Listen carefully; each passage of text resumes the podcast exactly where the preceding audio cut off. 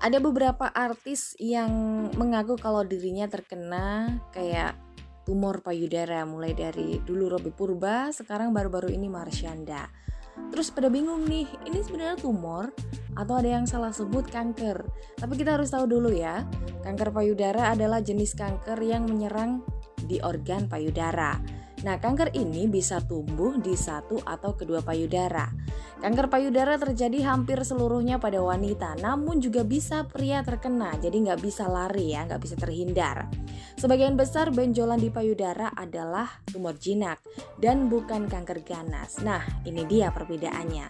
Tumor adalah massa jaringan abnormal yang terbentuk ketika sel tumbuh dan membelah lebih dari seharusnya.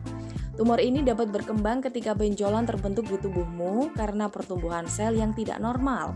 Menurut National Cancer Institute, tumor mungkin bisa menjadi jinak eh, atau bisa disebut bukan kanker atau malah justru ganas yang bisa sudah disebut kanker.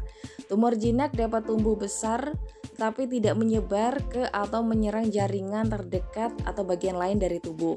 Sementara tumor ganas atau kanker dapat menyebar dan menyerang jaringan terdekatnya. Mereka juga dapat menyebar ke bagian lain dari tubuh melalui darah dan sistem getah bening yang disebut neoplasma.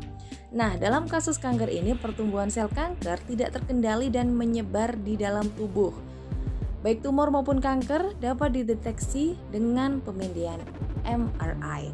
Jadi biasanya kalau ada yang sakit kanker, udah udah nyebar ke organ ini ke organ ini gitu kan. Itu dia masalahnya ya.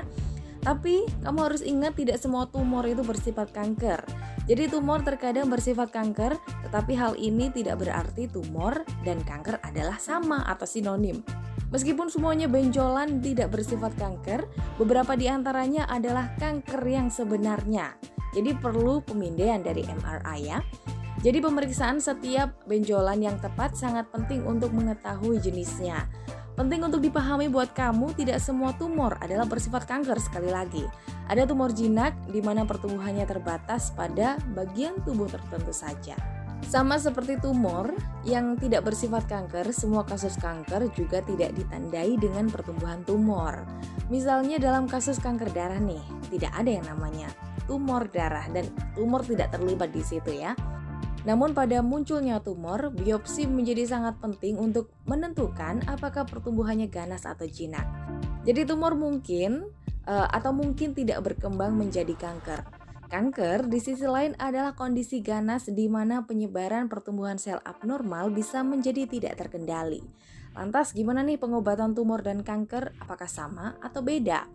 Tidak semua tumor mengancam jiwa, gengs, sehingga penanganan tumor dan kanker bisa uh, disebut berbeda, baik dari segi obat maupun pengobatan itu sendiri. Bahkan jika tumornya jinak, dokter dapat merekomendasikan pengangkatannya melalui pembedahan segera. Bergantung pada lokasi dan ukuran tumor, operasi ini relatif mudah atau pasien membutuhkan waktu berbulan-bulan untuk sembuh.